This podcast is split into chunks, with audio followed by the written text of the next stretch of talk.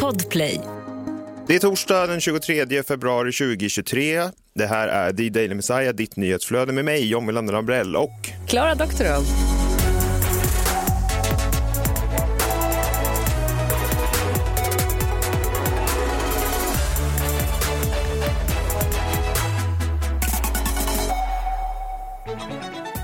Hej Klara, hur mår du? Ja, men jag mår faktiskt okej. Jag har haft en eh, sjuk bebis och jag sov exakt en timme i natt och är lite lurig på grund av det tror jag. Ja, lurig. Ja, men lite sådär, eh, vad som helst kan hända. Så känner jag. Ja, jag känner kanske likadant här. Jag sa ju det till dig när jag kom in i studion här att det, jag förstår nu för första gången hur eh, Palmeåklagaren Christer Petersson kände sig den dagen han hade kallat till eh, presskonferens och skulle lägga fram då lösningen till Palmemordet. Eh, jag har aldrig sympatiserat med honom förut förrän idag. Nej, jag förstår det. Ni som lyssnar nu, den här dagen när vi såg den här presskonferensen, återigen, det var ju någonting att uppleva i realtid. Från då hela presskonferensen som vi såg ihop till den här festen vi var på hos vår dåvarande chef, poolparty och du satt i ett hörn och bara mumlade argt hela Det var ju, kvällen.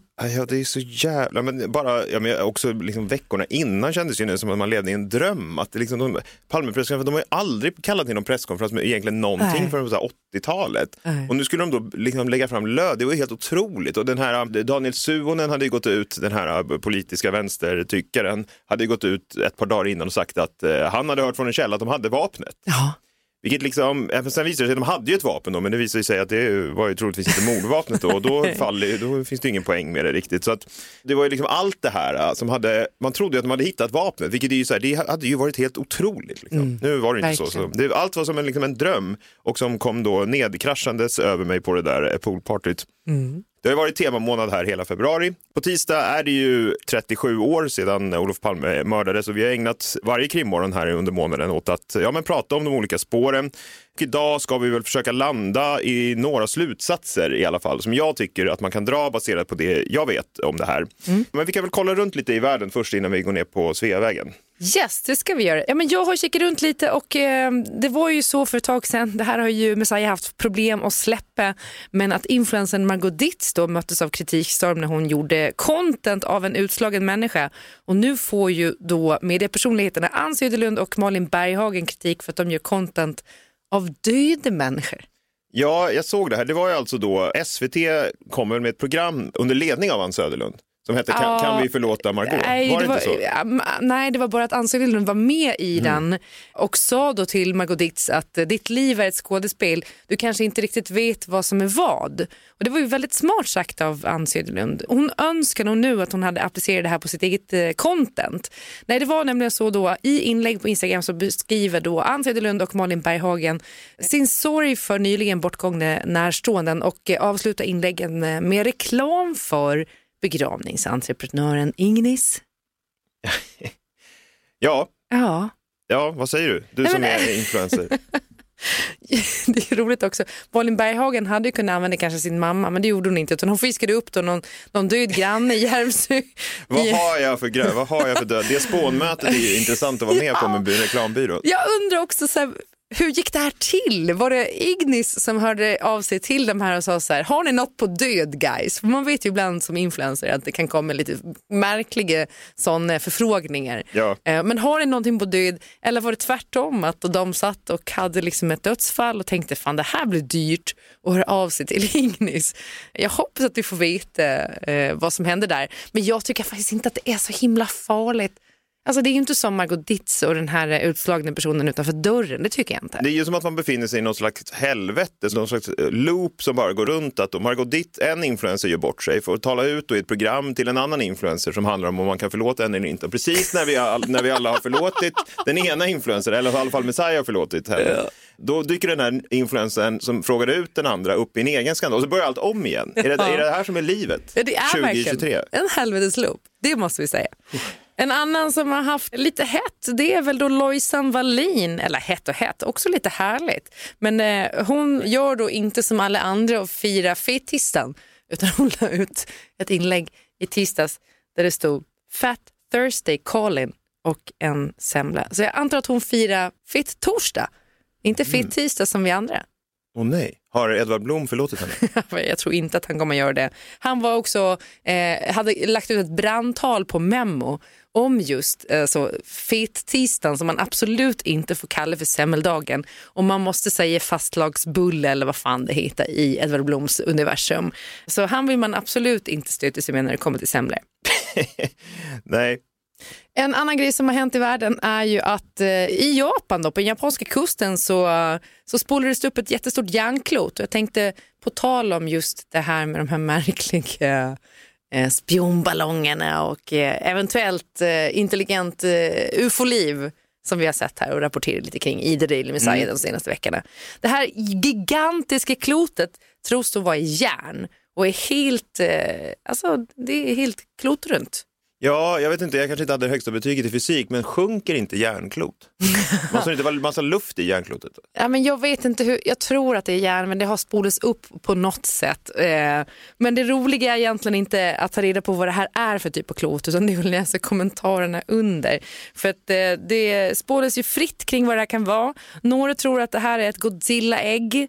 Eh, några andra tror att den första då drakbollen som blir av drakar som sprutar eld är funnen och då finns ett bevis på att vi har haft drakar i världen. Man har bara kanske inte hittat skeletten ännu. Och sen, den här är min favorit att det är Miley Cyrus Wrecking Ball. Otroligt ju! Ja. Oj, ja. men inte med Miley på, hon hade hoppat av. hon hade förhoppningsvis hoppat av då. Eh, men någon, någon kommer också förstöra kalaset och skriva att eh, jag har skrivit till BBC och andra kanaler att det här är liksom någon form av flytboll som marinen använde, alltså marinkåren använde. Mm. Ja, det, eh, det tråkigaste alternativet. Absolut. Jag tänker ändå att jag hoppas att det är Miley Cyrus Wrecking Ball. Nu Klara, eh, om vi inte har någonting annat nu så tycker jag väl att det är dags att gå in på, jag är lite, innan har jag varit lite peppad på liksom, att hoppa in i krimmorgon. Nu känner jag mig lite, jag har lite konstig känsla i magen med det här. Det, jag får det ibland ja. liksom, när, det, när det handlar om Palmemord. Jag vet inte riktigt är, det, vad det är. är det kontorsskorna du fortfarande inte kan släppa? Jo, de har jag släppt för länge sedan. Det här är nog mer vag. Nej, jag vet, skitsamma, vi ska inte hålla på och eh, gå in för mycket i, i det. Nu kör vi. Krimmorgon. Ja, vi har ju ägnat tre torsdagar eh, innan här att prata om eh, Palmemordet. Det här blir den fjärde och sista där vi förhoppningsvis ska komma till någon typ av slutsats. Eh, är det någonting under de tre tidigare veckorna, Klara, som liksom du har fastnat vid som du vill ja, men liksom ta med dig in i den här sista torsdagen? Ja, jag tycker ju fortfarande att det är intressant med Lisbeth Palmes roll i det hela som var ju den som såg mördaren absolut bäst ja. eh, och som inte ville prata om det. Det, det har jag svårt att släppa eh, såklart. Men jag tycker att du har byggt upp det här väldigt spännande och man har fått otroligt mycket mer eh, kunskap och fakta kring mordet. Så de som inte har lyssnat på de tre tidigare avsnitten, gå in och gör det. Ja, men det får man gärna göra. Jag har faktiskt eh... Vi ska prata lite grann fortfarande om Lisbeth Palme även den här torsdagen, för det är någonting i hennes vittnesmål som jag faktiskt har utelämnat. Kanske lite för dramatisk effekt, jag får se. Mm. Men idag ska vi prata rätt mycket om dels slumpen, då, de här sammanträffandena som jag var inne på förra veckan och också var jag tycker att det bränns. Och sen kan vi liksom stämma av eh, lite då. Jag gillar ju inte sammanträffanden, men jag ska försöka dela upp det här nu i fyra delar. Mm. Så att det blir liksom, man får lite översikt över det. Det vill säga, var bränns det någonstans när det kommer till Palmemordet? I alla fall hos mig. Det bränns inte för Skandiaman, det bränns inte på Christer Pettersson. Mycket grejer det inte bränns på. Eh, av en slump då så verkar det vara de grejerna som utredningen har ägnat mest tid åt. Ja. Vilket är ju höjden av ironi. Antingen är jag galen eller så är de. Jag tror att det är de.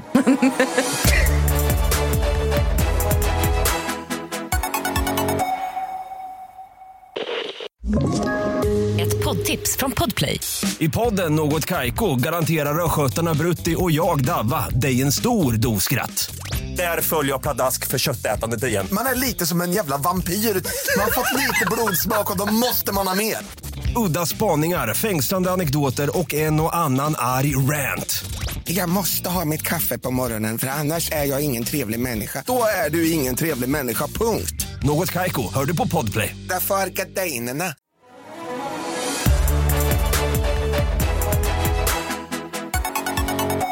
Eh, nummer ett, eh, det första delen jag skulle prata om är då en man som vi kan kalla för CA. CA? CA. Han var en man i 40-årsåldern vid tiden för mordet då 1986 som bodde vid Odenplan i centrala Stockholm, en bit ifrån mordplatsen, inte långt. Men det som var så intressant med den här mannen var att han hade ett vapen registrerat på sig. En 357 Magnum, det vill säga samma kaliber revolver som den som man misstänkte användes vid Palmemordet. Det som händer då är att den här CA, han blir inkallad för provskjutning, precis som alla andra blir då som har registrerade vapen av den här kalibern. Han dyker inte upp de kallar honom igen, han dyker inte upp och åren går. Man kan ju undra då varför de inte... Alltså, Ja, det är väl man lite- Ja, det är ju väldigt märkligt. Men det är Ja. som det är med den här utredningen. Alltså. Till slut får han då en så kallad förhörskallelse, det vill säga att nu vill vi prata med dig här för du kommer inte in på provskjutningskallelsen. Och då säger han då i ett förhör, det här är flera år då efter mordet, att han har sålt sitt vapen eh, i Kungsträdgården ett år tidigare. Men det får man väl inte bara göra hur som helst? Nej, det får man inte. Och han, är inte, han vill inte uppge till vem. Han säger att han fick 5 000 kronor för det, han behövde pengar och sådär. Och då är det några andra grejer som är intressanta med honom, då upptäcker polisen. Han var ju vid tidpunkten för mordet bosatt på bekvämt gångavstånd från mordplatsen. Han har inget alibi. Han hade ju den här revolvern då. Han hade varit med i skytteklubbar så, här, så han kunde skjuta. Och han kom ju inte när de här kallelserna dök upp. Den här eh, förklaringen han ger om att han sålt vapnet i Kungsträdgården är märklig. Han ändrar den lite grann och så här. Så Ja. att han är lite suspekt liksom. Han har uppgivit att ja, men jag var sängliggande den här dagen för mordet och ingen träffade mig och Så sådär. han hade inget alibi heller? Nej, inget alibi då. Det händer liksom inte så mycket mer kring honom förrän då sommaren 2008 då hans bror kontaktar polisen för han är orolig eftersom han inte kunde komma i kontakt då med sin brorsa och två eh, ordningspoliser då skickades ut anländer då till CAs bostad, ringer på. Eh, De får ingen reaktion då. Då knackar de på hårt och skriker öppna, det är polisen och då hör de ett skott gå av. Ja. Och där inne ligger då CA, han har skjutit sig själv. Han också? Ja, precis. Eller vadå han också? Nej, men jag tänkte att eh, Stig Engström också tog livet av sig va? Eh, ja, precis. Eh, men så här, det är ganska många som tar livet av sig. Det Ja. är fler än vad man tror. Jo, okej. Eh, tråkigt. typ. Ja, och så här, kan man dra någon slutsats av det? Jag vet inte. Det finns liksom inte riktigt så mycket mer än så. Men framför allt så är ju den här eh, CA ett rätt bra alternativ om man tror på den ensamma galningen. Men liksom samtidigt inte köper teorierna om Christer Pettersson eller Skandiamannen. För här har vi ju en person med vapen då. Han sades också ogilla Palme och lite sådana där grejer. Men det finns inte jättemycket på honom. Många gillar honom som potentiell gärningsman då. Men jag tycker att det finns alldeles för lite på honom. Det är ju bara det här vapnet. Ja, det är det enda. Det finns inget annat tydligt motiv. Än Nej, han inte det skulle... skulle vara men det var ju hade- många som hatade Palme. Ja, och det skulle vara då att han hade förlorat pengar då på någon slags ny eh, aktielag som sänkte börsen lite grann som Palme införde och sådär. ja. Men, alltså, jag blir inte jättevarm av det. Här, det kan vara han, ja visst, men det finns liksom inte så mycket som tyder på det. Men många då mediapersonligheter, tyckare då, tror på honom. En av dem är Hasse Aro och det finns ju liksom ingenting som mediemän älskar att göra mer än att raljera över alla de här då galna konspirationsteorierna som folk på internet har. Ja, men det är de här Jan Guillou och Oisin Kant, vid den med säger, ja de här galna och det är så här, jo absolut, men vad har ni då? Vi kan väl höra Hasse Aro här och vad han säger om, eh, om eh, konspirationer och varför han inte gillar dem då. Och nu ska jag berätta varför jag inte tror på konspirationsteorier. Därför att de alla måste göra en logisk volt eller en logisk groda. Nämligen gå runt det faktum att ingen, inte ens Olof Palme själv, visste att han skulle ut den kvällen. Och det här måste ha ställt till det för alla sydafrikaner, PKK-medlemmar, poliser, militärer, amerikaner, walkie-talkie-män och alla andra som befolkade Stockholm city just denna kväll. Och det här är ju ett vanligt argument som Hasse Aro tar upp. Jag ser det som ytterligare ett tecken på vad som händer med människor som kommer i kontakt med Palmemordet. Alltså vettiga, smarta människor där liksom logik och förnuft flyger ut genom fönstret så fort det handlar om Palmemordet. För hör du här vad han säger, Klara. Jag har en fråga till Hasse Aro och alla som liksom använder det här argumentet. Att ingen visste att Palme skulle ut den kvällen, inte ens Olof Palme själv, säger han ju. Och här är min fråga. Hur i helvete vet du det? Ja. Alltså den enda personen som rimligen kan veta det är väl död. Det är väl Olof Palme. Ja. Hur kan man sitta och säga ingen visste att Olof Palme skulle ut den kvällen? Inte ens Olof Palme själv. Vad vet du om det? Vad vet du om vad som rörde sig i Olof Palmes huvud och vad han gjorde den dagen? Fast du avfärdar ju hans teori på någonting väldigt... Eh, alltså, det, det är inte så betydelsefullt skulle jag säga. Nej, men det, det menar ju Hasse Aro avfärdar då alla konspirationsteorier. Att de inte kunde ha varit där för att de inte skulle veta att han, han- var där. Och... Han menar ju då att det kan inte ha varit någonting annat än en ensam galning som av en slump ser på Olof Palme och skjuter sur. honom. Och då kan det ju vara Skandiamannen lika Jo, gärna men om om han hade så- hunnit. Ja men okej, men argumentera för det då. Argu- Ja. För det här köper jag ju inte. Alltså, ingen visste att Palme skulle gå ut. Det vet inte han någonting om. Nej. Det vet inte han någonting om, det vet inte jag någonting om. Det vet, det vet väl Olof Palme och han är död så honom kan vi inte fråga. Och Hasse Aro fortsätter lite grann här. För att teorierna ska gå ihop så måste man alltså ha en man stående utanför Palmes bostad hela tiden. En person som eh, just denna kväll kunde meddela sina kumpaner att nu är Palme på väg ut. En person som alltså hängt där dag ut, dag in. Vi vet inte hur länge utan att Säpo reagerat. Så dåligt tror inte jag att svenska säkerhetspolisen är. Oj, men han låter väldigt säker på sin sak. Jo, jo, men det gör ju alla de här tyckerna. Och eh, visst, om man är säker på sin sak så kan man väl vara det, men också. ar- argumentera för det då. Nej, jag är inte säker på någonting. Däremot så säger ju Hasse Aro att ja, Säpo, skulle de inte ha märkt det här då, att Palme var övervakad? Men hur är det nu med det där? Hade inte Säpo gjort det? Låt mig, Klara, rikta fokus mot ett myndighets-PM. Mm. Eh, Jag tänker att myndighets-PM generellt sett är bland det tråkigaste man kan läsa. Jag har inte läst så många i mina dagar. Har du? Nej, Nej, men inte i det här fallet. I det här fallet pratar jag nämligen om Säpo PM A11544. Och eh, här är historien om det. Den 11 mars 1986, alltså några dagar efter mordet, fick en kriminalkommissarie vid Säkerhetspolisen i uppdrag att organisera en utredningsgrupp som skulle undersöka och analysera om Olof Palme hade varit föremål för övervakning i anslutning till mordet. Den här Säpo-analysen då är i allt väsentligt hemligstämplad, men i det begränsade material som har offentliggjorts säger slutsatserna bland annat att följande, och lyssna här då alltså.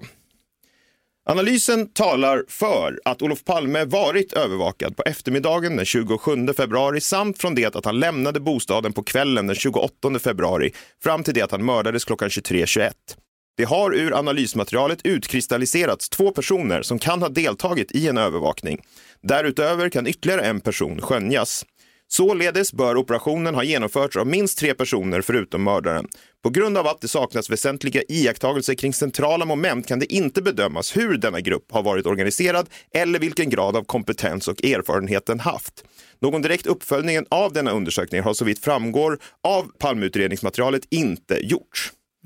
Vad vi har här är alltså en analys gjord av Säpo på 80-talet som ligger väl i linje med dels då flera centrala vittnesmål som vi har pratat om, men som också då går såklart på kollisionskurs med huvudteorin som Hasse Aro här för fram. ja.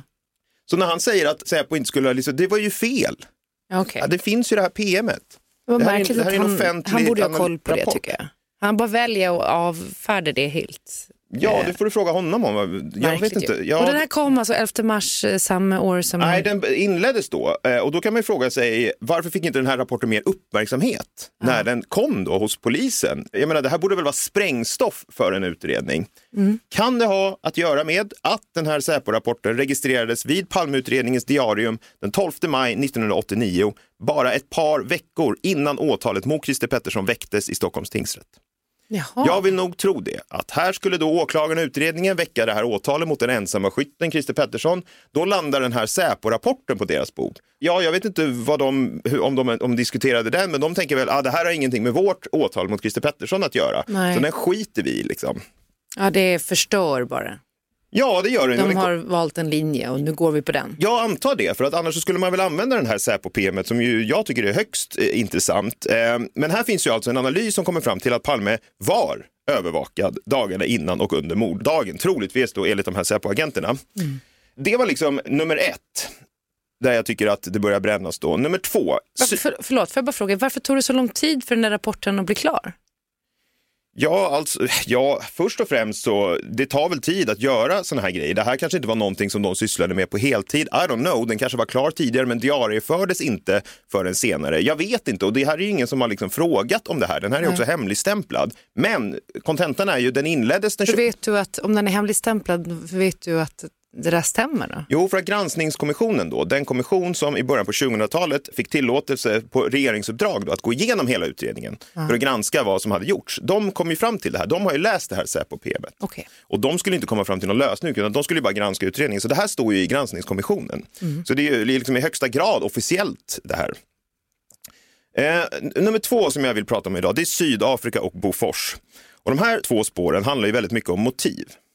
Motiv är ju liksom ett sånt där ord som också alla tyckare vänder sig emot. Sådana som Hasse Aro och andra. Alltså så här, motiv behövs inte. Vad var motivet för Kennedy-mordet och Anna Lind och sådär. Det där med motiv, det är bara massa fåntrattar och konspirationsteoretiker som håller på med. Men i de flesta mordfall, Klara, speciellt sådana som går till på det här sättet, så finns det ett motiv.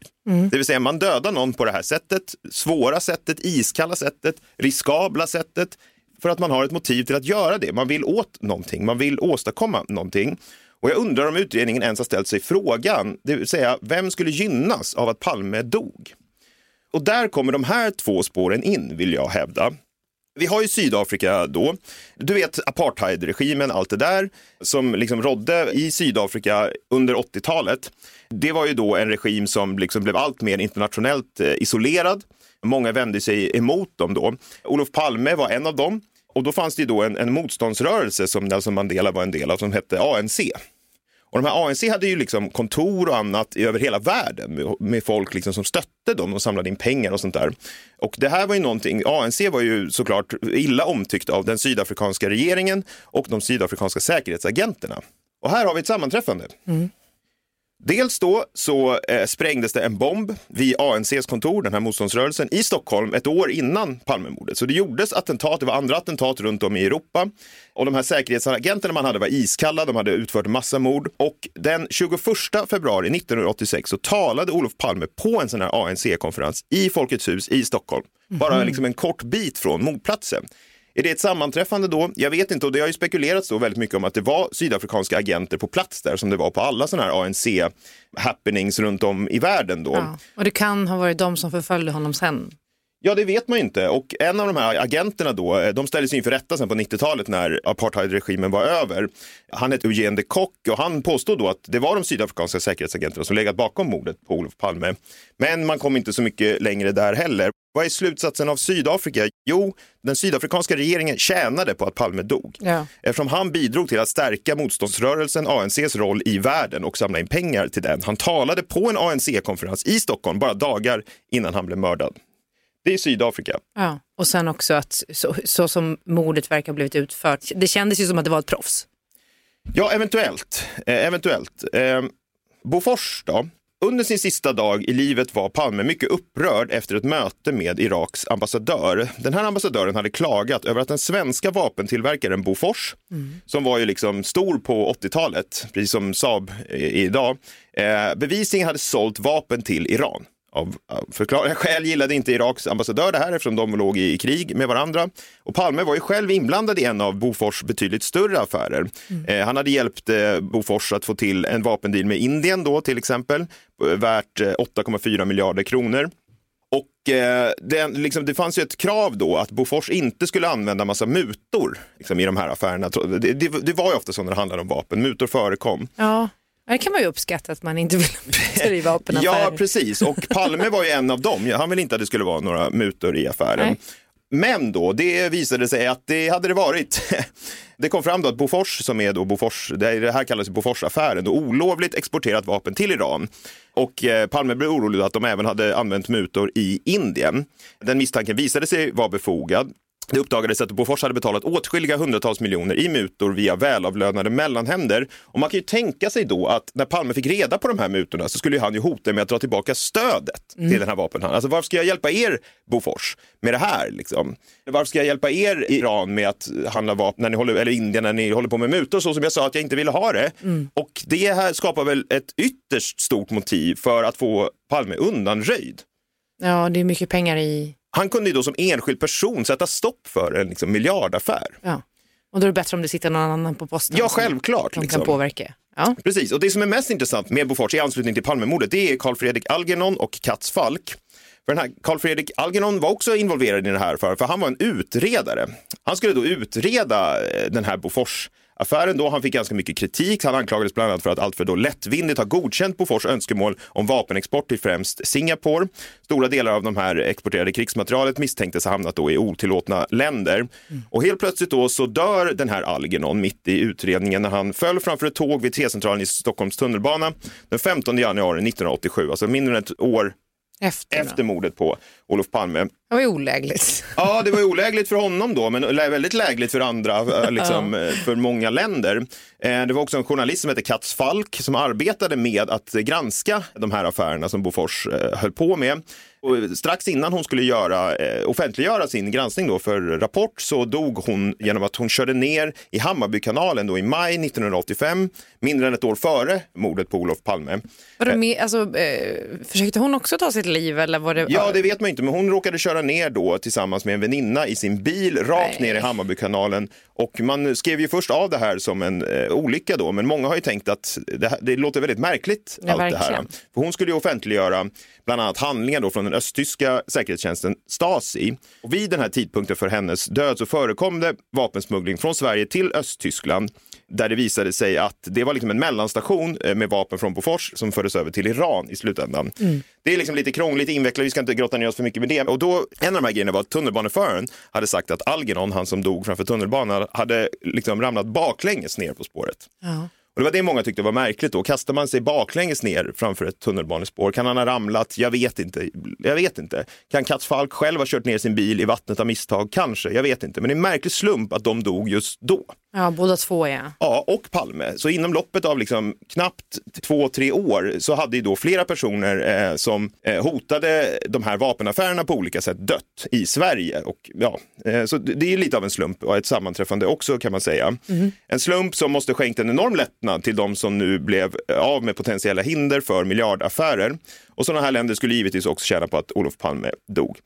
Men då, kritiken mot de här två spåren som också är rättfärdigad såklart. Jag vet inte om du har den kritiken Klara. Men det är att de befinner sig då långt ifrån Sveavägen den 28 februari 1986.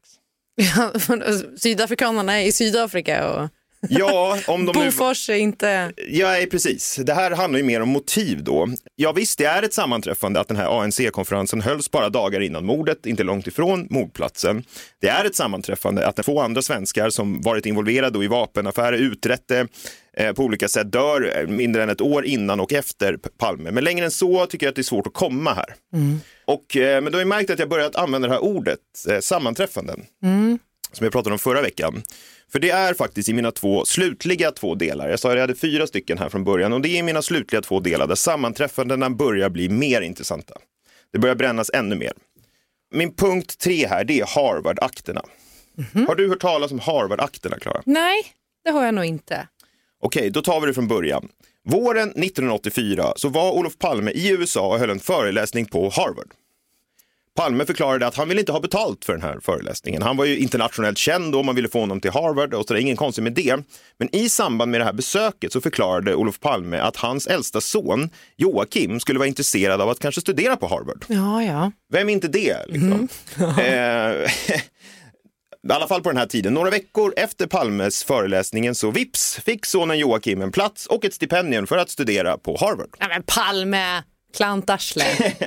Eh, inte så mycket händer då, ett år går, men sen då i juli 1985, mitt i semestern kan man säga, är Palme med i ett radioprogram och där har en journalist fått uppgifter, eller som menar då på att Palme tog sitt föreläsningsarvode, inte i pengar, men i då sin son Joakims ja, inträde till Harvard på något sätt.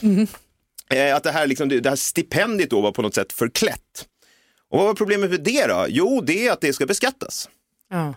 Det ska i sådana fall beskattas. Eh, Särskilt av en socialdemokratisk Precis. statsminister. Alltså skatter är ju, det var ju, det kanske inte är lika känsligt idag, men på den här tiden så var det ju extremt politiskt känsligt. eh, Speciellt för en socialdemokrat som du säger och speciellt för Olof Palme med tanke på den han var. Eh, han hade ju liksom ofta kritiserat folk som använde kryphål eller annat för att undvika skatt, eh, som undkommit att bidra till det gemensammas bästa och allt sånt där. Eh, någon hade ju läckt den här historien till journalister då och målet var ju då att såklart, antar jag, att skada Palmes trovärdighet inför valet i september 1985. Tidpunkten är ju liksom väl vald och den här effekten är ju enorm. Alltså sol, Socialdemokraternas ledare är inget annat än en simpel skattefuskare då, skulle man kunna dra slutsatsen. Ja. Även om han, han kanske inte hade motiv till att göra det. ja men alltså ministrar har ju fått avgått för mindre. Verkligen, verkligen. Ja, men så är det ju verkligen. Och i vilket fall som helst så vann Socialdemokraterna det här valet. Trots då att borgerligheten hade lite opinionsövertag. Men det var en, det sågs som, liksom som en stor triumf för Palme. Men den här Harvard-affären rullade i alla fall på. Det var en sån där historia som liksom bara fortsatte. Alltså tänk Toblerone-affären, Mona Sahlins eller liknande svart städhjälp och Ja. allt det här som liksom en jobbig grej som hela tiden ligger över en när man försöker uträtta politiska grejer. Och det blev ett juridiskt efterspel också för taxeringsnämnden och häng med här nu, de utredde nämligen den här saken och de kom fram till att stipendiet till Harvard verkligen var att se som ett arvode för Palmes föreläsning. Är du med? Det vill säga, de det här är liksom inget stipendium utan det här är, Palme tog betalt Ja. på det här sättet. Han ska skatta för det, det är lön. Skattepliktigt, så Palme förmånsbeskattades då och påfördes också ett skattetillägg. Så i myndigheternas ögon, i svenska myndigheters ögon, hade han ju verkligen försökt undkomma beskattning. Ja. Och eh, ja, hans kritiker kunde kalla honom skattefuskare. Det ska sägas dock att ingenting talar för att Palme själv var liksom något annat än helt bestört över det här. Eh, jag tror inte att han hade så här, åh nu ska jag slippa undan skatten på ett snyggt sätt. Självklart inte. Och det fanns ett redan ett så stort Palmehat att det här skulle bli liksom ett, ett bra slagträ i debatten. Ja men det är så märkligt det där för att alla pratar alltid om att Palme, äh, mina föräldrar allihopen, han var inte omtyckt. Han var inte omtyckt och hit och dit. Ändå så satt han ju så otroligt länge. Jag bara tänker så här, motsvarigheten nu, man har väl inte sett det riktigt. Ja i och för sig Stefan Löfven var väl kanske inte jätteomtyckt heller. Nej, kanske inte. Nej, precis. Men det är ju inte Palme mått mätt. Nu satt ju Palme så mycket längre men Ja, det fanns ju ett Palmehat och det fanns ju också, det som också kanske är svårt att ta in, det är att, ja men till exempel om man är ute och reser, jag kommer ihåg jag var i Budapest och så fanns det så här, Budapest, Olof Palmes torg i. Budapest. Var i Spanien någonstans, i Madrid eller vad det är. säg inte Ka- att du har åkt till de här bara för att de besöka. upp. Kaj, Kaj det är Olof Palme. Verkligt att du har varit på dem alla. Ja, men poängen är bara så här. är det ett sammanträffande? Ehm, ja, Nej. nej. nej. men så här, poängen är att det finns en massa jävla gator och torg uppkallade efter Olof Palme runt om i världen. Ja. Det finns det liksom inte om Stefan Löfven. nej, nej Och, och det det tyder på att Olof Palme var liksom en, en spelare av på, i, liksom högsta internationella rang. Ja. Och det skapar ju också en motivbild, inte bara liksom inhemskt då, utan även utrikes.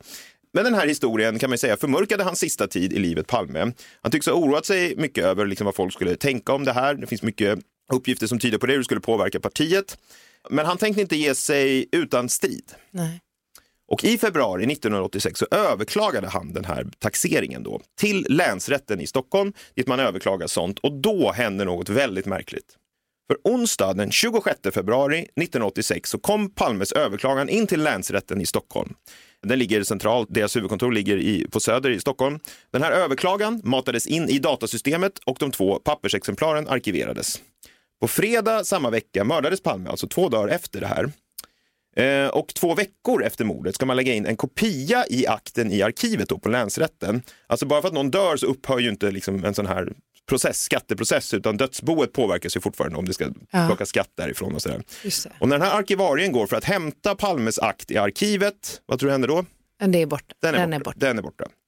Det är sjukt ju. Registratorn slog i datorn efter det här målet och inte heller där kunde det återfinnas. Eh, Det var 34 stycken mål som hade registrerats den 26 februari 1986. 33 mål fanns kvar i datorn, ett var borta och det som var borta var Olof Palmes. Länsrätten hörde av sig till då DAFA, det statliga bolag som vid den här tiden skötte registerhanteringen med personuppgifter och där kunde man då se att det hade skett en så kallad delete-transaktion av en akt. Någon hade alltså stulit och eller raderat den här akten som jag kallar för Harvard-akten.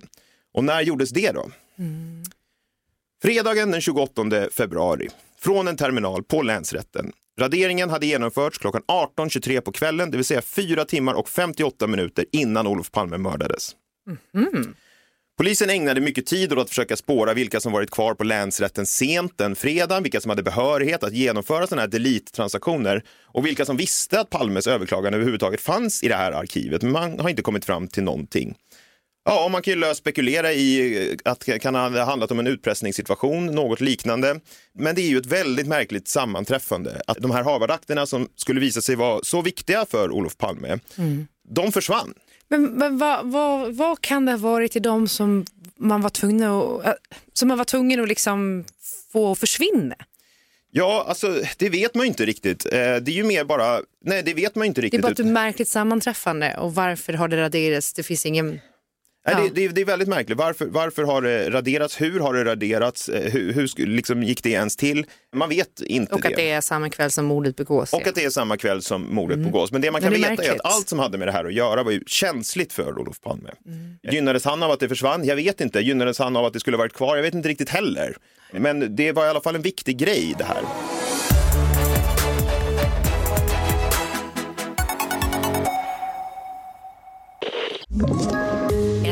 Poddtips från Podplay.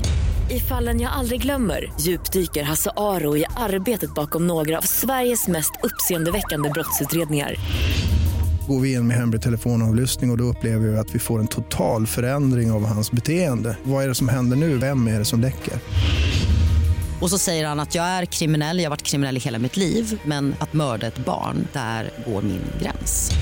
Nya säsongen av Fallen jag aldrig glömmer på Podplay.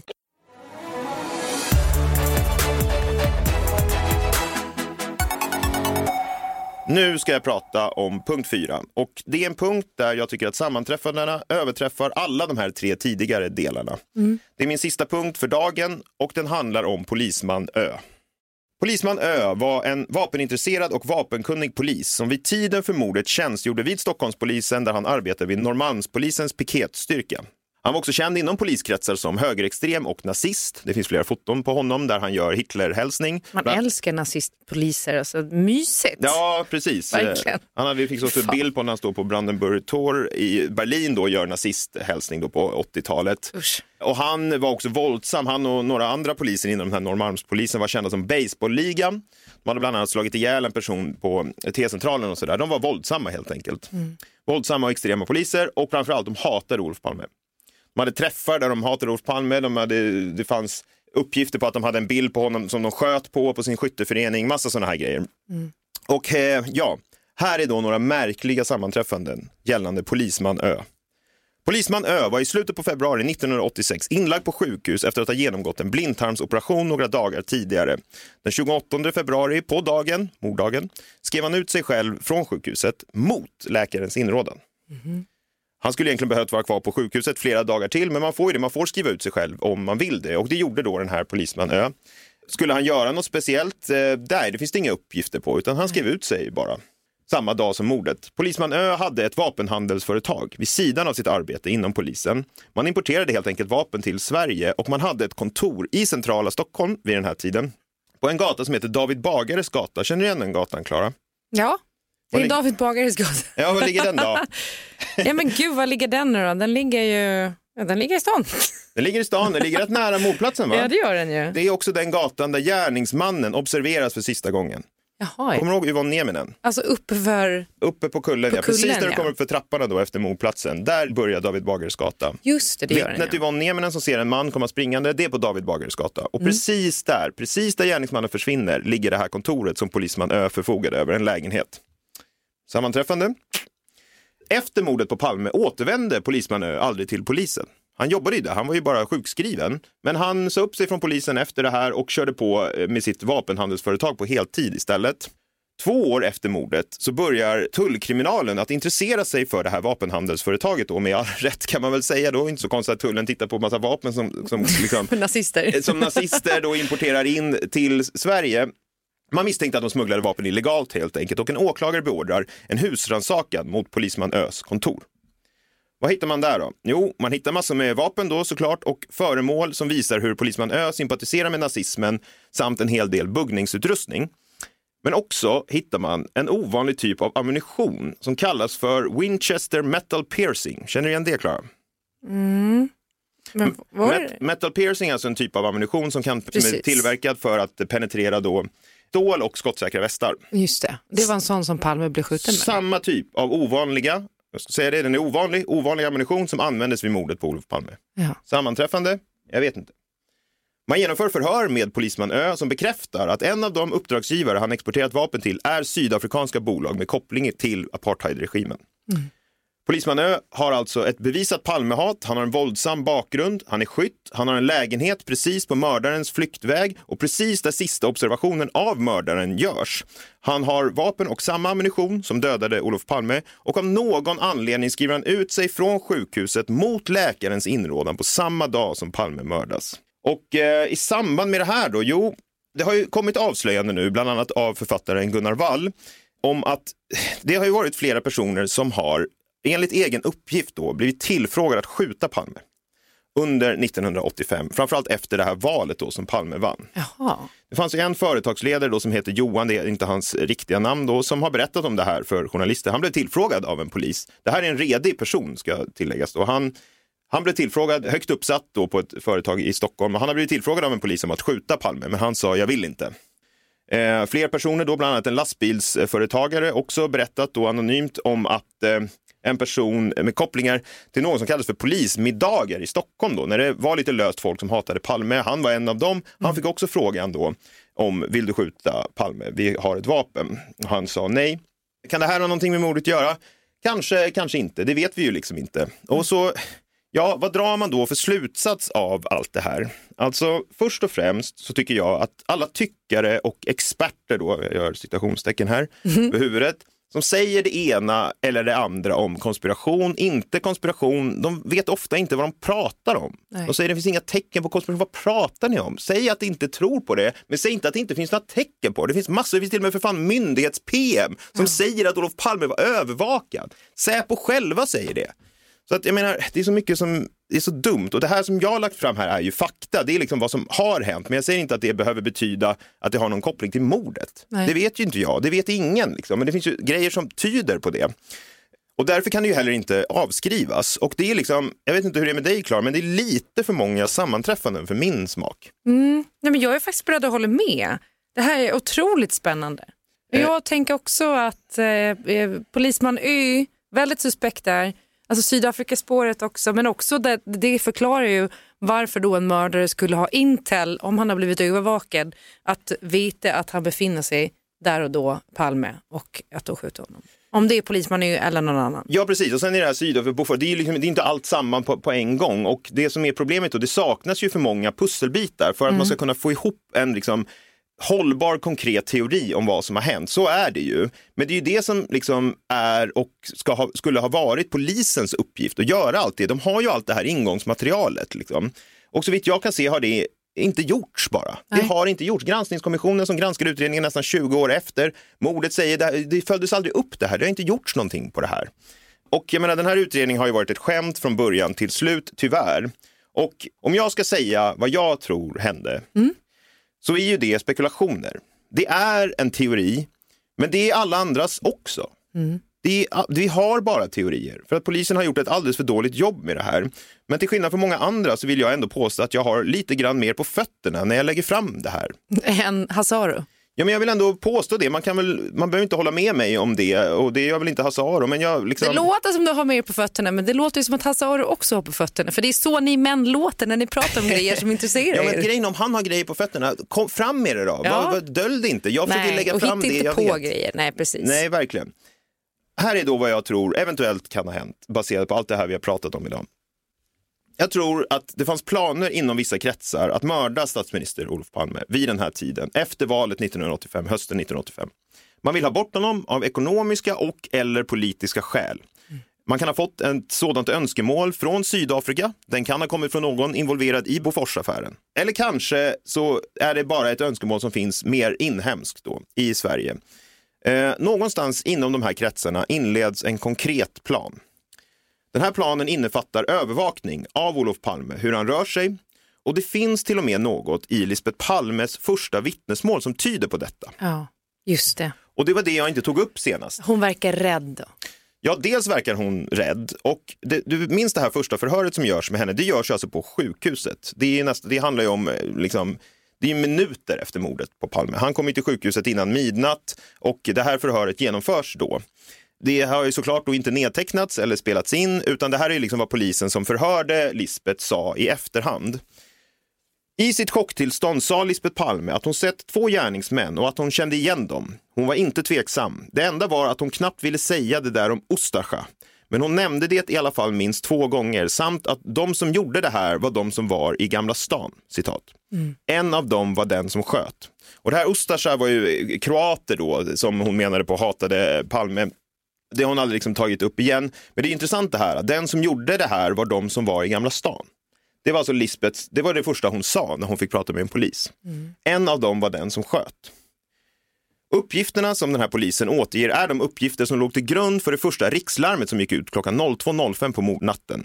Lisbeth Palmes uppgift om de som var i Gamla stan syftar på att hon två till tre veckor före mordet vid 08.30-tiden på morgonen en vardag noterat två män utanför paret Palmes bostad på Västerlånggatan i Gamla stan som tycktes iaktta porten till deras bostad.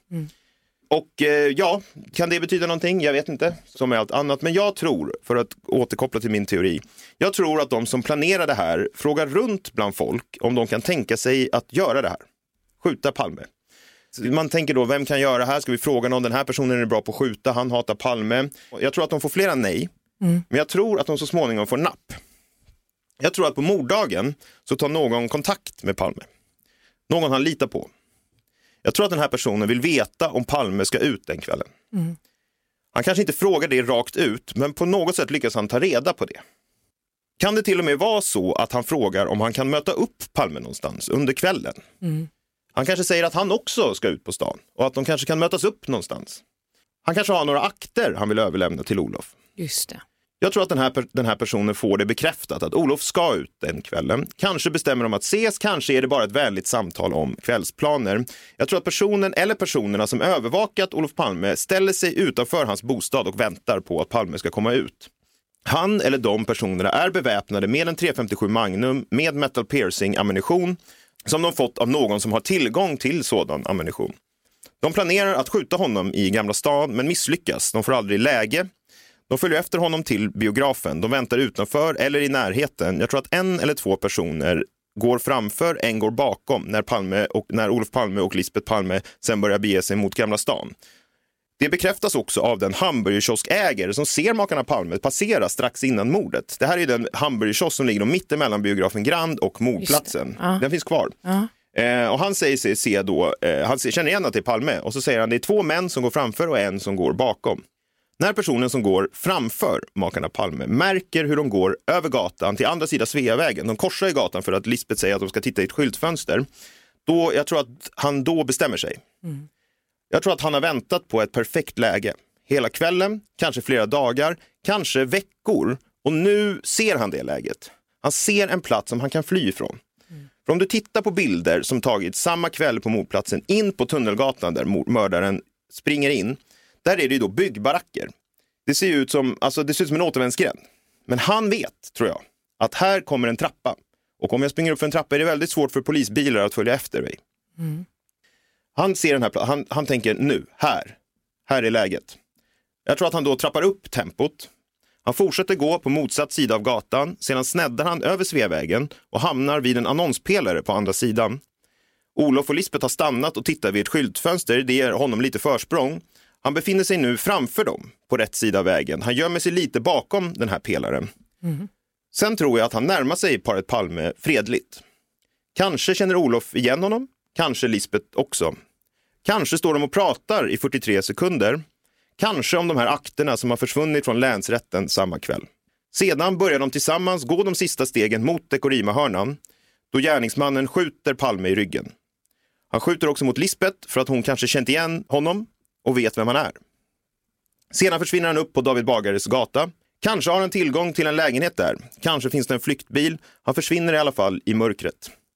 Ja, den här teorin är ju då en konspiration. Ja.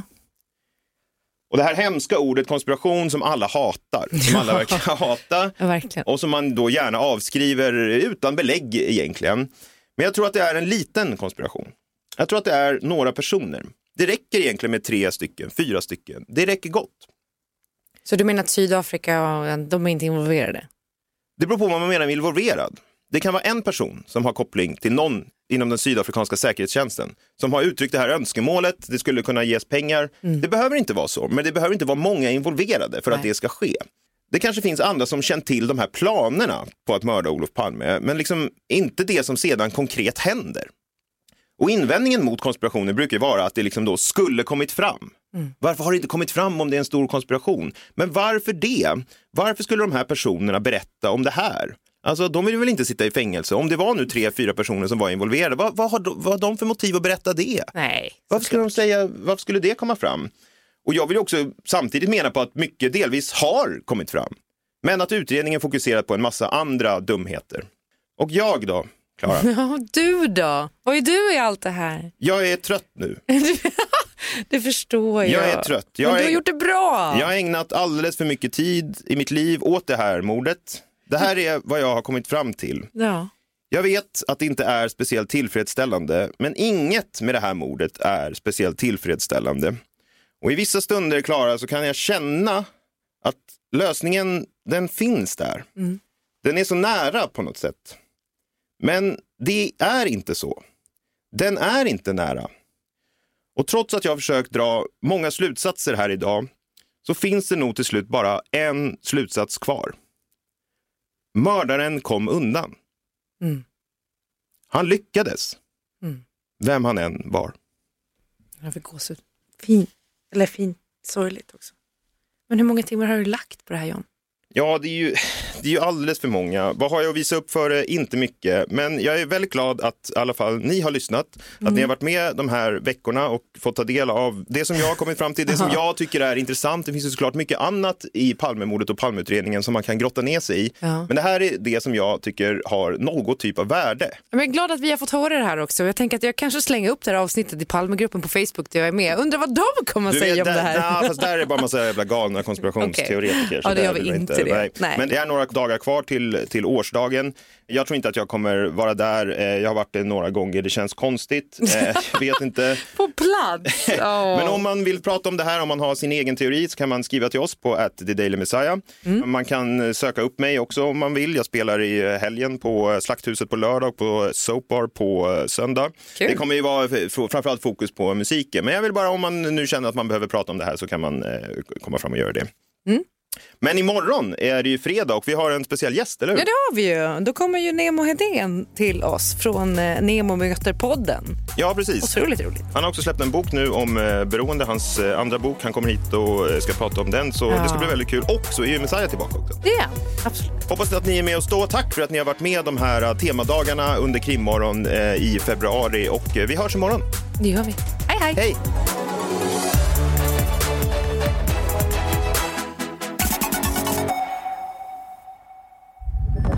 Podplay, en del av Power Media. Poddtips från Podplay. I podden Något Kaiko garanterar östgötarna Brutti och jag, Davva, dig en stor dos skratt. Där följer jag pladask för köttätandet igen. Man är lite som en jävla vampyr. Man har fått lite blodsmak och då måste man ha mer. Udda spaningar, fängslande anekdoter och en och annan arg rant.